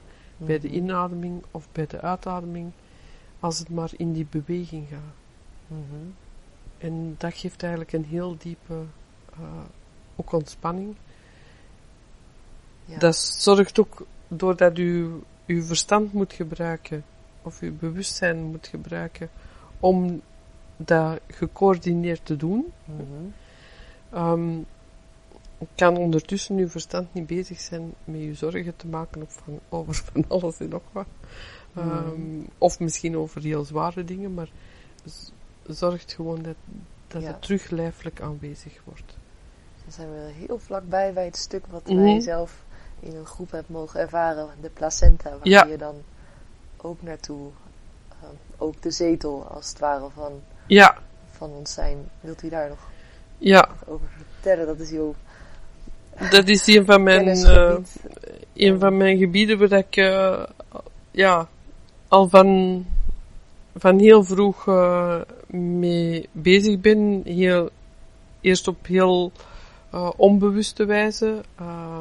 wel heel veel aandacht voor. Wel dat altijd heel mooi gevonden, een placenta. Of heel een moeder. Ehm, ik vond dat in die foto's van Lennart Nilsson al heel mooi en Mhm. heel bijzonder om die vliezen te zien en die navelstreng en, eh, en dan ook de, de placenta zelf. Mhm. Ehm, dan als ik ze eh, eigenlijk eh, ja, heel vaak in mijn handen heb mogen nemen. Ehm, zeker bij de thuisbevallingen was dat altijd een, ehm, een heel mooi moment om dat te mogen tonen aan, de ouders ook. Van kijk, deze zijde heeft eh, tegen de baarmoederwand aangezeten. Dat was de verbinding tussen, tussen moeder en kind. De andere zijde is waar dat de baby heeft, eh, heeft naar gekeken. En die kant heeft eigenlijk echt zo precies een wortelstelsel. ehm, met de navelstreng die daar eh, uitkomt. En dat is ook eh, zo dat wij daar, dat zijn dingen die ik dan nadien nog veel meer dieper ben gaan beseffen. Van hetgeen dat wij als baby in die baarmoeder voelen, betasten. Ja, dat zijn onze eigen, onze eigen neus en oren en tenen en ons eigen lijf. Mhm. Maar dat is ook onze navelstreng. Mm, Baby's hebben, mm, met echo's zien we dat nu meermaals, dat, dat ze die vastnemen. Ze volgen die ook. Ze, ze raken ehm, de placenta ook aan. Want het is zo dat de meeste kinderen liggen met hun, het, zeg maar in rust of in, liggen heel vaak met hun gezicht gericht naar de placenta toe. Dus Mhm. als ze kijken en dat, dat zien onder water en natuurlijk in de moederschoot is nog anders, maar toch, eh, als ze hun ogen openen, dan, dan kijken ze ook naar hun placenta. Mhm. Hebben wij eigenlijk allemaal gedaan. Mhm. Alleen zijn we dat een beetje kwijtgeraakt. Ehm ik heb mij in al die jaren dat ik vroedvrouw was heel vaak afgevraagd van waarom ziet dat er zo uit zoals dat eruit ziet? Waarom? Ehm, en toen nog niet direct de link gemaakt met het feit dat zeker in onze streken het nu ook weer eh, terug opnieuw of altijd een beetje gebleven is, maar vroeger zeer zeker was van de gewoonte was van eh, een placenta te begraven. Mhm. Ehm, van die in een tuin te begraven of zelfs in het huis te begraven. Ehm, dat dat dan vooral een eh, beschermende functie ook. En daar een boom op te zetten. Hè. En eh, dat was dan een boom van dat kind. Eh, er waren wat verschillende tradities. Appelbomen, kersenbomen. eh naar gelang voor het ene of het andere geslacht. Rode beuken, gewone beuken. Ehm, voor heel veel adellijke families was dat zo. Dat het een voor het meisje was, het andere voor de jongen. Ehm, zo zijn er heel wat tradities rond. Totdat ik zelf door had dat, hoe belangrijk dat die placenta eigenlijk uh, was. En dat wij in C altijd geboren worden. Ten eerste uit onszelf, want wij worden uit onze vliezen geboren, die een deel zijn van het, de nageboorte, de uh, moederkoek en de vliezen, in de navelstreng. Dus dat wij eerst en vooral uit onszelf geboren worden. En dat er in die geboorte um, ook eigenlijk altijd een sterven terug is. Want op het moment van de geboorte sterft eigenlijk in de korte tijd nadien de placenta. Mhm. Die een orgaan is, een bijzonder orgaan is, dat ons dat gezorgd heeft dat wij tot uh, um, dat wij hier zijn. Um, um, ik ben even met een draad kwijt. ja, wat, ook de placenta voor, voor velen is het een, ja, het als, als ik voor mezelf spreek, als, dan, dan is dat iets wat er snel uit moet. Ja. Uh, voordat ik de workshop van u had gevolgd en uh, ik hechtte er geen waarde aan, zeg ja, maar. En, ja. en, en, bracht ons terug Ja. naar wat betekent een placenta Ja. en wat, wat is het precies. Ehm, eigenlijk is het ja. pakweg negen maanden. De eh, eerste weken is dat in aanleg, maar pakweg negen maanden is dat echt eh, voor vrouwen dan uw beschermster, uw hoedster, uw begeleidster. Want ook al komen de voedingsstoffen uit de moeder, die gaan allemaal via de placenta. Het is ook de placenta die zelf eh, de hormonen produceren om de zwangerschap in stand te houden. Ehm, mm, dan moet die placenta ook beginnen doen rond de 12 weken, wat ook een eh 10, 12 weken, wat ook een, een eh, cruciale periode is, waarin dat er ook wel meerdere zwangerschapsverliezen ontstaan, eh, miskramen ontstaan, omwille van het feit dat die placenta dat juist niet doet. Uh, dus het is een zeer, zeer belangrijk orgaan tijdens onze voorgeboortelijke tijd. Um, Dus, dus die heeft ook een grote, die speelt een grote rol bij miskramen. die speelt ook een, een belangrijke rol bij miskramen, ja. De Um, ontwikkeling niet gaat ja, als het behoort. als die niet genoeg uh, eigenlijk ontwikkeld is, waardoor dat hij te weinig um, onder andere progesteron kan maken, dan blijft, de, kan de zwangerschap moeilijk in stand gehouden worden. Mhm. Um, ik denk dat we eigenlijk nog niet in de totaliteit weten wat die juist allemaal doet. Um, en hoe dat die systemen soms in, in elkaar zitten met uh, kinderen die dan toch op een later moment in nood komen of komen te sterven en wat daar het stuk is. Nu, in heel veel gevallen gaat het natuurlijk wel goed, want anders zouden we hier met niet zoveel Mhm. mensen op de wereld rondlopen. Mhm. Um, um, maar na die geboorte uh, hebben wij de laatste decennia eigenlijk meer en meer geleerd om dat uh, als een stuk afval te, te Ja. beschouwen. En uh, medisch gezien is het dan nog wel interessant in die zin van je moet nakijken of dat de alle lobben aanwezig zijn. Dat is voor de veiligheid van de moeder. Um, en moet die gecontroleerd worden. Je kijkt naar uh, de bloedvaten om te zien uh, of dat, dat voor het kind helemaal klopt. Maar dat is allemaal puur technisch. hè. Mhm. Zien of dat biologisch klopt. Um, maar verder wordt er heel weinig uh, aandacht aan geschonken. En tot voor enkele jaren werden ze in, in België heel veel gebruikt voor uh, cosmetica. Um, diepgevroren. stamcellen, toch? Eh, Ja, maar nu worden ze, uh, wordt er terug heel vroeg afgenaveld omwille van het mogelijk oogsten van de, de stamcellen. Terwijl dat eigenlijk heel belangrijk materiaal is voor de, voor de baby. Het is zo dat in de eerste 10 minuten ongeveer na de geboorte um, er een uh, 60% van het bloedvolume dat in de placenta zit, en dat eigenlijk van de baby is, Mhm. dat die al kan terugvloeien. Maar natuurlijk, ieder wezen heeft, Ja. heeft best zijn volle 100% of, een- of een groter perce- percentage terug.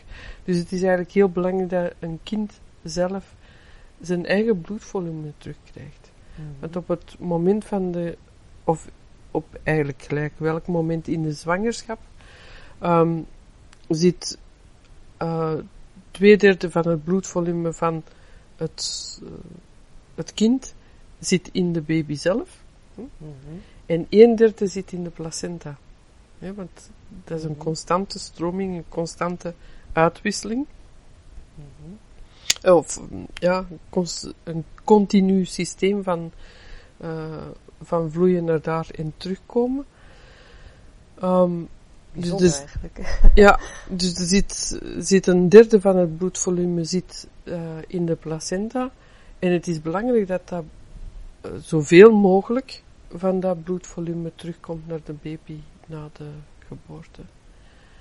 En, en hoe lang Ehm, eh, het is best dat, dat we eigenlijk minstens wachten met afnavelen, afbinden eh, van de navelstreng, eh, totdat de navelstreng is gestopt met kloppen.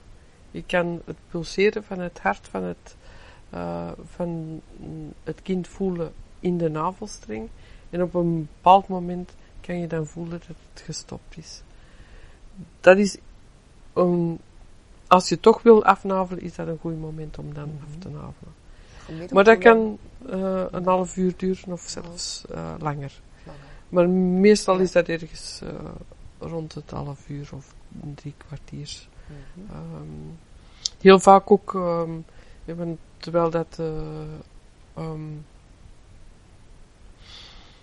dat de na- navelstreng nog intact is en de placenta nog in de baarmoeder zit, Eh, kan het kind al opnieuw contact maken op een andere manier dan met zijn of haar moeder.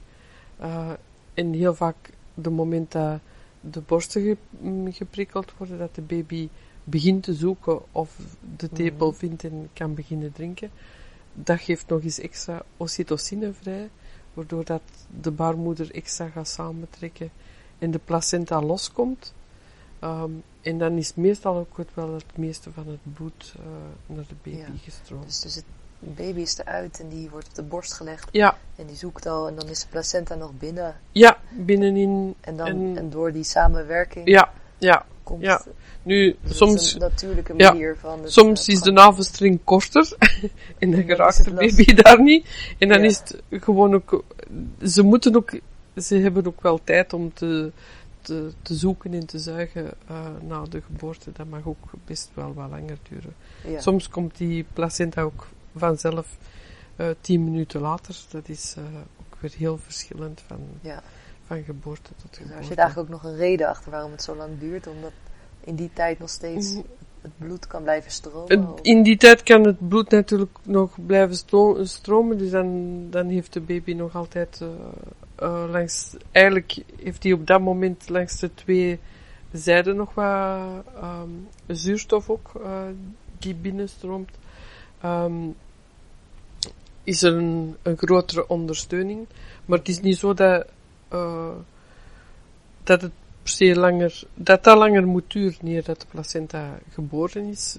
Als die binnen 10 minuten wordt geboren en dat kind ja. ademt zeer goed, ze moeten niet halen, maar eh, natuurlijk wel eh, goed ademen, dan, eh, dan is dat prima. Eh, maar het is ook prima dat dat een half uur duurt of langer. en, dus, eh, en in het ziekenhuis is daar dan ruimte voor om, om te zeggen, nou, we willen de placenta nog. Mm, Want vaak wordt het kindje onderzocht. Ja, En dat lijkt me dus lastig. soms wordt er dan heel dikwijls, allee, of heel dikwijls, ik weet niet juist hoe dat, het is ook, al die dingen zijn heel verschillend van ziekenhuis tot ziekenhuis. Mhm. Dat is hier in Vlaanderen zo, en ik denk dat dat in Nederland ook, eh, ook zo is, dat dat Ja. dikwijls heel verschillend is. Ehm, en dat zijn, op zich zijn dat wel belangrijke dingen om te bespreken met de eh, zorgverstrekker, dus met de vroedvrouw of de verloskundigen of wie Ja. dan ook die, die bij de bevalling z- waar zowel thuis als, als in een ziekenhuis ehm, de protocol is langs die gebruikt wordt rond die dingen. En om daar gewoon over te spreken en te zien waar eh, ben jij mee akkoord en eh, dat je ook best mag vragen van waarom doe je dat en waarom doe je dat. Dat die vragen echt wel mogen gesteld worden om zelf een duidelijk beeld te krijgen. Mhm. En te weten dat je als ouders eh, ook altijd het recht hebt om je eigen, ja, Ja, u- de dingen te vragen zoals ze voor, voor jou kloppen. ja.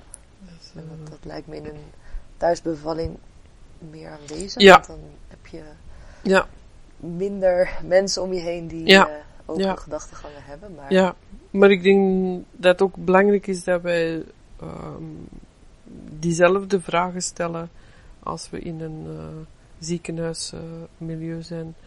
Om, ja, om dat je altijd mag weten waarom dat iets wordt, zou of Mhm. worden uitgevoerd. ja. Eh, als het jouw lichaam eh, of het lichaam van, van uw kind betreft. mhm. Dus ik denk dat dat heel belangrijk is om dat altijd te weten van... Ja, wij zijn eigenlijk ieder de hoofdverantwoordelijke voor onze eigen gezondheid. Mhm. En we mogen daar zelf ook wel eh, dan ook mee in beslissen wat er wel of niet gebeurt. Mhm. Ja, en want u Dus, zei eh, daar weer in contact te ja. brengen. Ja. U heeft ook eh, een boek uitgebracht. Ja. De vier gezichten van de vrouw. De vier vrouwen in elke vrouw. De vier vrouwen en elke Ja. vrouw, juist. ja. En heeft hij het ook over de vier archetypes Ja, eh, van een vrouw. En eh, ik zou, kan ze, nou, u kunt ze zelf opnoemen. Ik was, ja, ja. of u daar nog wat over Ja. wil zeggen. En het aankomend boek dan- waar u ook mee bezig bent. Dan komen eh, dat is eigenlijk het stukje waar ik, eh, dat ook eh, wel zeker voortvloeit uit mijn eh eh, vroedvrouw zijn en uit het contact met vrouwen, is wat ik tijdens die bevallingen absoluut heb mogen zien, is wat, wat een enorme kracht eh, vrouwen hebben. Eh, niet alleen eh, tijdens de bevalling, maar ook in de zwangerschappen. Ook bij de borstvoedingen, wat een enorme draagkracht. Ehm, dus dat, op een bepaald moment ben ik dan met het idee in contact gekomen of gehoord van ah, in, in Engeland en Amerika noemen ze dat women empowerment. Hè? Ehm, eh, ah ja, oké. Ah ja, dus dat is waar ik dan ook een beetje mee bezig ben. Mhm. Ehm, eh, en dat is zo rond het eh, zelf mogen beslissen hoe en waar te bevallen. Ehm, maar dat geldt eigenlijk ook voor, voor de rest van, eh, van ons leven. En een, een belangrijk onderdeel daarvan is om onze cyclus te leren kennen, onze vrouwencyclus. Waar dan nu vooral de nadruk ligt op eh, PMS, hè, het, eh, het vervelende van spanningen voor de maandstonden, eh, over problemen met de maandstonden. Daar ligt alle zwaartekracht van aandacht op. Terwijl dat er eigenlijk vier fasen zijn, ook in een gewone vrouwencyclus. Je hebt de maandstondenfase, je hebt de, ehm, de follikelfase, dus dan wordt de follikel in de eileider gevormd. Je hebt de fase van de eisprong. En je hebt de fase van dat het, de follikel die er was en die het eitje heeft vrijgegeven, dat die een geel lichaam wordt. Uh, het is dat gele lichaam trouwens dat heel belangrijk is voor misschien een komende zwangerschap. Want daar worden de eerste hormonen gemaakt om de zwangerschap in stand te houden. Dat is de- het gele lichaam. Dat, maar Het- dat ziet tijdens de Dat, dat, zit, eh, dat zit in de eh eileider, Mhm. eh, de eierstok, sorry. Mhm. Ehm, eh, en dat is eigenlijk het. Je kunt ook een beetje zien van dat ehm, de follikel die er eerst wordt gevormd, is een soort blaasje. Hè, waar dat de eicel in in zit en die daar uiteindelijk helemaal vrij in komt te zitten, tegen de ijsprong aan. Dan kun je dat blaasje eigenlijk zien als een soort omhulsel, een soort uh, huisje. Hm? Um, wat er bij de ijsprong uitkomt uit dat huisje, is de ijsel en het vocht dat er rond zat. Hè? um, en dat eigenlijk de grootte van het blaasje uitmaakte. Hetgeen dat achterblijft in de eileider is juist het huisje. Is het omhulsel. Ah. En dat wordt helemaal geel. En dat wordt ook echt helemaal geel. Dus dat is, als ze naar een eierstok kijken van een vrouw die juist een ijsprong heeft gehad, of een week ervoor, dan zie je werkelijk een geel, geel uh, schilletje. Nu, klein natuurlijk, want dat is allemaal niet zo groot. Um, maar dat is wel degelijk uh, heel geel. Dat is eigenlijk onze uh, vierde fase voordat we terug aan de maandstonden beginnen. Je kan die fases ook uh, vergelijken en er is heel veel vergelijking te vinden tussen die verschillende fases en de fase van de maan. Onze cyclus duurt ook in gemiddeld, Ja. hè, uh, duurt die ook even lang. Um, de, dus dan heb je als maandstondenfase de donkere maan. Uh, als um, follikelfase heb je dan de opkomende maan. Als ijsprongfase de volle maan. En als uh, afnemende maan of als geel lichaampje uh, heb je dan de afnemende maan. Ik kan dat ook verbinden met de seizoenen. En al die dingen hebben nu allemaal hun, hun kwaliteiten. Hè. Uh, En bij de seizoenen kunnen we zeker ook al, allemaal wel iets voorstellen. In de winter is het donker. Hè. Uh, en is, zijn de dingen naar binnen gekeerd. Hè. Dan gaan wij ook naar binnen, dan steken we mm, al gemakkelijker een kaarsje aan. Dan zijn we naar, naar binnen gekeerd. Net zoals dat we dat in de maandstondenfase zijn. De volgende fase is de follicelsfase, is de lente. Hè. Uh, dan staan de dingen in bloei, of in knop. Dan, dan begint alles te, te groeien, alles groter te worden. Net de, zoals die follikel. de- Uh, dat is, nee, dat is Eh, de opkomende maan, maan. Ja, opkomende de maan. opkomende maan.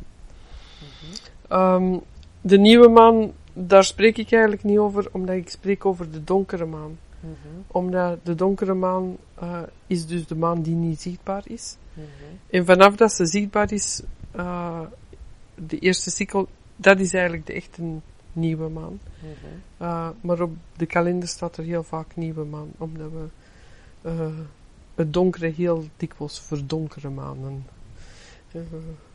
Verdonkere maanden wil zeggen dat we iets over iets niet spreken, over iets niet laten zien. En dat is zelfs ook met de donkere maan zo. Mhm. Um, nu, de volgende fase dus, uh, is de zomer. Mhm. En dat is de ijsprong. Dat is alles uitbundig, alles naar buiten. Uh, Ja. die energie. hè. Um, Ja. De volgende fase is de herfst. En dat is dat geel lichaampje. En dan begint alles al terug meer naar binnen te keren. Mhm. Die vier fasen komen ook overeen met de archetypes. En dat is voor de um, uh, donkere maan is dat de wijze vrouw. Dus dat is voor de maandstondenfase. Dat is de Mhm. wijze vrouw. Dat is een vrouw die uh, um, vele dingen in zichzelf weet en die uh, van daaruit kan schouwen, kan kijken naar, naar de andere dingen zonder dat ze daar per se wil in gaan roeren of daar zich mee gaan bemoeien. Veroordelen. Ja. Of, ja. Ze, ze kijkt uh, in wijsheid naar de, naar de rest. Dat is de energie die wij dus ook elke maandstonden kunnen ervaren. De um, follikelfase, um, of dus de lente, is de fase van de maagd. Mhm. En niet zoals wij maagd nu begrijpen, maar eigenlijk als zij die aan zichzelf toe behoort. Dus dat is de jonge vrouw, uh, Persephone. Ja, ja, inderdaad. Dat is echt, uh, maar ook een ander uh, voorbeeld daarvan is Jeanne d'Arc. Ah, ja. Zo echt, dat is ook uh, de fase in je leven dan, uh, waarin dat op de barricades gaat staan uh, en van daaruit zegt van, ik kan de wereld veranderen. Hè. Of waar dat je ook nog Ja. denkt van, oké, dit moet echt veranderen, uh, we gaan er nu aan beginnen en dan is dat morgen klaar. Mhm. 30 jaar later weten dat dat zo rap allemaal niet gaat. maar dat is de energie van, uh, Ja, grote van die fase. Ja, maar dat is elke maand Mhm. Maakt een vrouw eigenlijk die fases allemaal door. Dus de, de fase erachter met de ijsprong in de zomer is de fase van de moeder. Mhm. Dat is een periode dat je veel meer zorgend... Dan kijkt je ook naar de anderen, net zoals dat de wijze vrouw dat doet. Maar je gaat veel meer dingen willen doen voor de anderen. Je wilt zorgen. En je wilt, als de wijze vrouw, die heeft geleerd om voor zichzelf te zorgen. Daar staat Mhm. dat centraal. Ik zorg voor mezelf. Mhm. Bij de moeder staat centraal van ik zorg voor de anderen. Mhm. En dat is eigenlijk zowel in onze levensfase zo als in die uh, ijsprongfase in onze cyclus. De volgende fase is de fase van de, uh, van de magische vrouw. Dat is, Volle maan. nee, de, de volle maan is de moeder. De afnemende maan is de, is de magische vrouw. Um, en een ander woord dat ik daar ook wel eens voor gebruik, maar dat is een, een, uh, een Vlaams woord, is achterwaarster. Dat is een oud woord, ook voor vroedvrouw.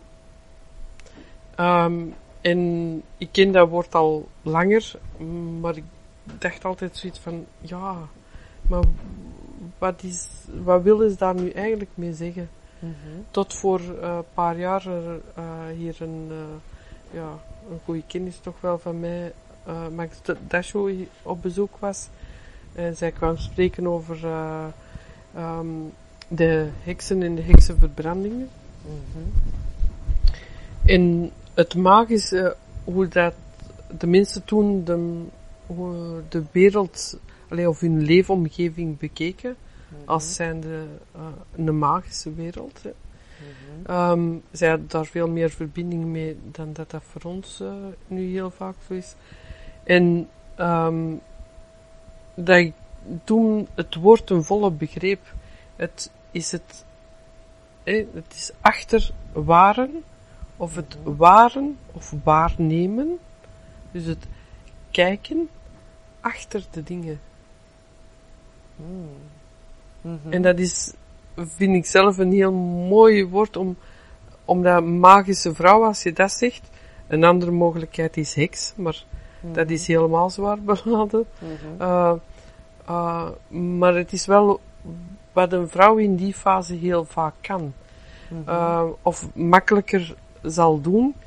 Um, dat is een fase in onze cyclus waarin dat we uh, ook vaak denken van, als je getrouwd bent, van, ik moet weg, want uh, ik hou dat hier niet meer uit in deze huwelijk, hè, of in deze partnerschap. Of, uh, omdat je eigenlijk in die fase heel vaak ziet wat dat er in, in relaties, zijn de uw partnerrelaties, maar dat kunnen ook uw werkrelaties zijn, zie wat dat er fout gaat. Mhm. Wat er nu heel vaak wordt gezegd van, oh, jij moet uw maandstonden krijgen, ja, dan, de, dan zijn het uw hormonen die spreken. Uh, en er wordt eigenlijk geen positieve aandacht gegeven aan wat je op dat moment echt waarneemt. Mhm. Dus eigenlijk is het dan zuiver zien of een soort van waar? Dat Het is een, een, ja, een helderder zien, waardoor dat de, uh, het is inderdaad niet de bedoeling als je uh, problemen ziet in een, in gelijk welke relatie, dat de, dat direct met de hangbijl. Hè? Mm -hmm. maar wel, um, als je dat zien, uh, als je zegt van oké, okay, er is hier een probleem, ja. ik zie het, ik neem het mee in mijn maandtijd en dan ga ik als wijze vrouw kijken naar wat ik hiermee kan doen om dit weten te laten worden tot ja, een nieuw, ehm, ja, tot een oplossing die voor iedereen in mijn omgeving kan uh, dienst doen. En dat kan natuurlijk wel zijn dat je wel degelijk met je partner moet praten over bepaalde uh, situaties. Maar dat het heel vaak goed is om dat niet te doen in die fase juist voor je maandstonden. Dat je dat eigenlijk heel vaak beter kan doen tijdens uw, uw maandstond of tijdens de, niet de, de zwaarste dagen, maar de volgende dagen. Zo net voor uw maagdfase eigenlijk, dat je daar dan over spreekt. Waar je op de bres gegaan ja, worden dan, uh... dan hoeft dat ook niet meer. Mm -hmm. Maar dan is het wel een goed moment om echt actie te gaan ondernemen. Mm -hmm. Maar in de wijze vrouwenfase ga je meer samen zitten en ga je zeggen van kijk, dat is zoals deze dingen zie ik gebeuren. Mm -hmm. Maar vanuit de positie dat je dan zit, of de energie waar dat je dan in zit, kan je dat zo brengen dat dat geen aanval is voor degenen die daarbij betrokken zijn. En dat er echt een dialoog kan ontstaan over hoe dat je dan samen de dingen kunt Ja. veranderen. Symbolisch, dat Ja. ja. symbolisch, maar ook wat je kan ervaren, Ja, koppelen aan, Ja. aan archetypen in ja, de situaties, in Ja. de relaties. En, ja, ja. En wat daar altijd een heel goede leidraad in is, is dat je eh, eigenlijk een, eh, gaat opschrijven. Eh, hoe dat je je in de verschillende levensgebieden eh, voelt, wat je ervaart. Wel, wanneer dat je veel droomt, wanneer dat je ehm, zin hebt in welk voedsel, eh, wanneer dat je veel energie hebt, fysieke energie, of weinig ener- eh, fysieke energie. En als wij dat zo ehm, opschrijven, dan krijgen wij een veel beter beeld van wie wij zijn als vrouw. Ook door de dag heen, eh, Ja. als het ware. Ja. Ja, ook door de dag heen, maar en dan ga je zien van ehm, ja, bepaalde dingen die steeds terugkeren, van waar je van denkt van ja, heb ik dat weer, maar heel vaak weten wij dan echt niet dat daar eigenlijk ook een cyclus in zit. Ja. En dat je dan van daaruit ook kunt gaan zien van ah, dat valt altijd in die fase. Eh, ten eerste weten dan zonder eh, grote andere dingen op de duur van, maar als ik dat heb, ja dan Ja. dan zit ik in die fase. Ehm, maar ook dat, dat je dan kan gaan zien van wat heb ik eigenlijk nodig? En wat kan ik mezelf geven of wat kan ik veranderen in mijn leven, waardoor dat, dat zich niet meer hoeft voor te doen. Ik heb het fysiologisch heel sterk de dag voordat ik ongesteld word. Ja, De, de nacht, dus daarvoor, eh, heb ik heel veel zweet, uh, Ja. ik heel veel zweten en onrust. ja, ik word veel vaak wakker en heel Ja. veel hitte ja, komt er Ja. vrij. Denk ik, oh ja, dan word ik, kan Ja. vast een pakje in mijn tas doen van Ja. tampons. ja. dan weet Ja. ik dat, eh, ik Ja. weet niet of meer vrouwen dat hebben. maar- Ja, mm, maar dat zijn, Ja. als je het straks over taboe, dat zijn onder andere ook nog altijd taboes. Wij spreken daar niet over. ja, nee, ja. Wij leven, al, elke vrouw leeft een zeer cyclisch leven. En voor mannen is dat ook voor een stukje zo, maar bij vrouwen is dat echt wel uh, een, een, een enorme klok. Die, Ja. als ze niet ontregeld is door uh, voornamelijk externe of- stress, Of, ja, ja, of hormonen. Ja. ehm, maar uh, in normale omstandigheden uh, gaat die voornamelijk ontregelen door stress. Hè. Ehm, Ja. Maar als dat het een enorme geoliede machine is. En als wij zien, we leren zien wat er in ons lichaam allemaal aan meedoet, dat is, ja, ja, ik word daar altijd heel, heel mm, blij verwonderd van, om de, Ja.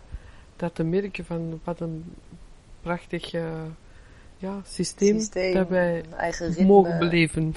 Ja, en het ritme Dus, daarin en de, Ja, de golven en de ja, emoties. en hoe dat, dat allemaal verbonden is met de natuur, hoe, Mm. eh, hoe dat wij hebben geleerd van eigenlijk die, die maandstonden te verafschuwen, maar dat zou uh, een beetje hetzelfde zijn als uh, zeggen van, ja kijk, de winter is niet nodig. We zullen die, we zullen die afschaffen. Hè? Uh, terwijl ja. de natuur heeft die cycli nodig, heeft die altijd verandering nodig om te kunnen verder groeien. Ja. te kunnen de rust, ja. de stilte, ja. de introvertie. Ja. Ja, dat is af en toe ja. een uitdaging om dat terug Ja. te vinden in, in deze ja. tijden, zeg maar. Ja. Met alle prikkels, afleidingen. Ja, en ook omdat heel de maatschappij, en dan komen we eigenlijk terug op dat, dat stukje van die chronos en de kairos. Heel de maatschappij is op die chronos gericht, is op het voortgaan en voortgaan. Mhm. En ga niet in die kairos, is ook veel meer dat cyclische. Mhm. En zo van, alles komt terug, alles verandert en alles komt terug.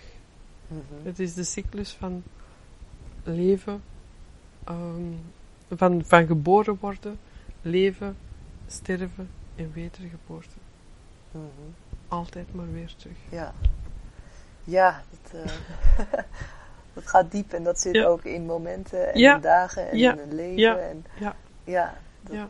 Maar dat, dat stukje acceptatie, dat dat er is, dat is denk ik al de grootste Ja, stap van ja, wat u zegt, van eigenlijk word, word je geboren en gaat er al iets dood, de placenta.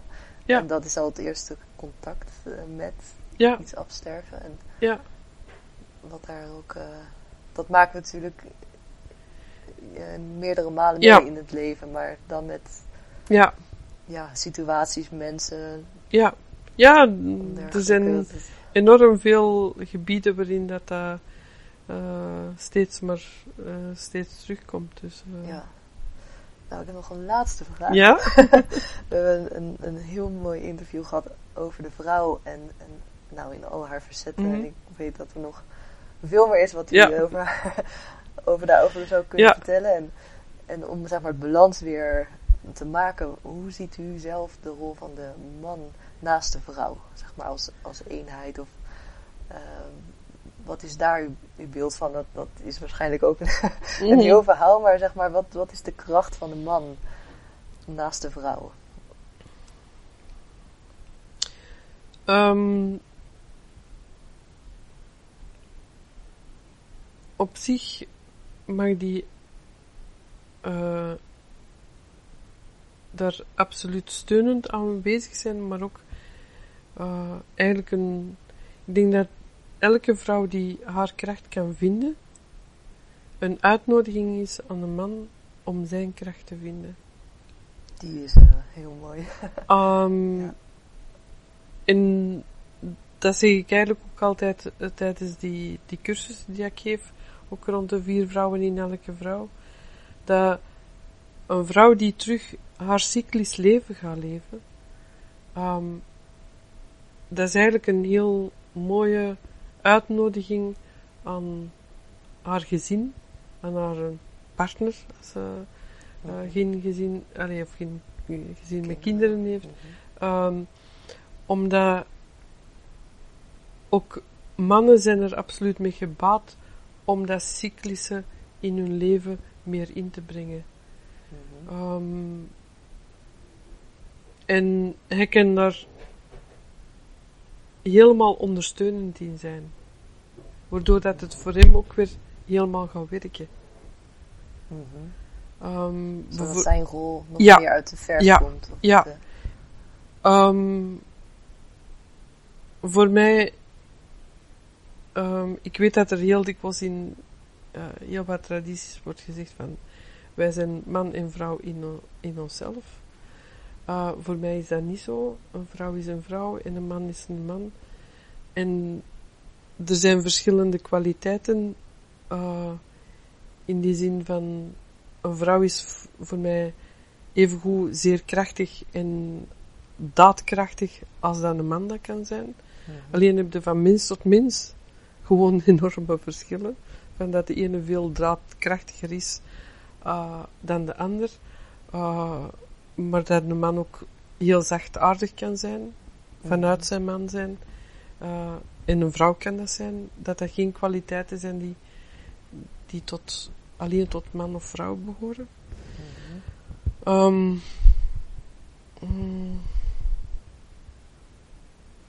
En ik vind dat juist zo mooi dat. ehm, dan kom ik eigenlijk een beetje terug op dat beeld dat ik er straks zei van bij die, bij die geboortes. eh, dat die man er helemaal steunend is voor wat die vrouw op dat moment te doen heeft. Moet dragen. En, Ja, Ja. en eh, want ook ey, als het natuurlijk eh, een mannelijke partner is, dan de vrouw die een bevallen is, ook hij kan daar op zich alleen maar bij zijn. Maar het echt aanwezig zijn, in volle bewustzijn, is de grootste kracht en de grootste ondersteuning dat, eh, dat die vrouw op dat moment kan ervaren. En er moet hem nog niet te veel voor doen. Mhm. Allee, ik bedoel, dan in, Mhm. in fysiek eh, handelingen. Mhm. Maar gewoon dat heel bewust aanwezig zijn en het, eigenlijk, eh, het eren van haar taak op dat moment. Door haar te laten doen en haar te ondersteunen in wat zij nodig heeft. Dat is volgens mij helemaal Ja. wat zij mogen doen. Dat is heel mooi. Ja. Dankjewel, Dus- Ria. Heel graag gedaan. Ik zou nog één mooi gedicht, is het geloof ik, of iets in de richting wat ik op vrouwenbron.be heb gevonden. Ja, Nog even willen oplezen, want ik vond Ja. het, eh, het raakte mij enorm en ik vond het erg mooi. Ja.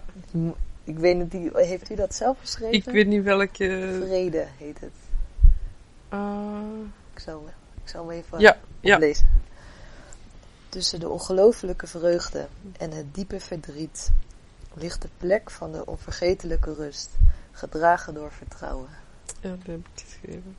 Ik vond hem eh, ontzettend mooi, ja. Dankjewel. Dank u.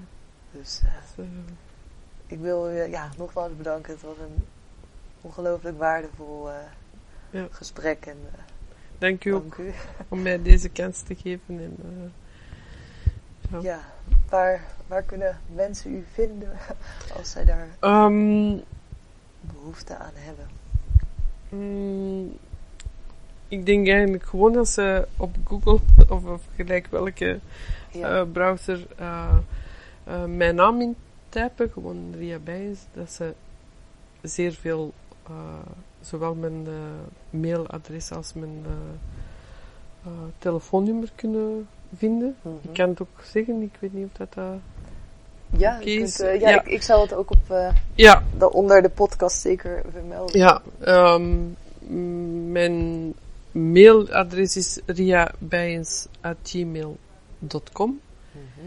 En mijn eh, telefoonnummer, indien nodig, is ja, 0, 032 Mhm. 478 447459. Mhm.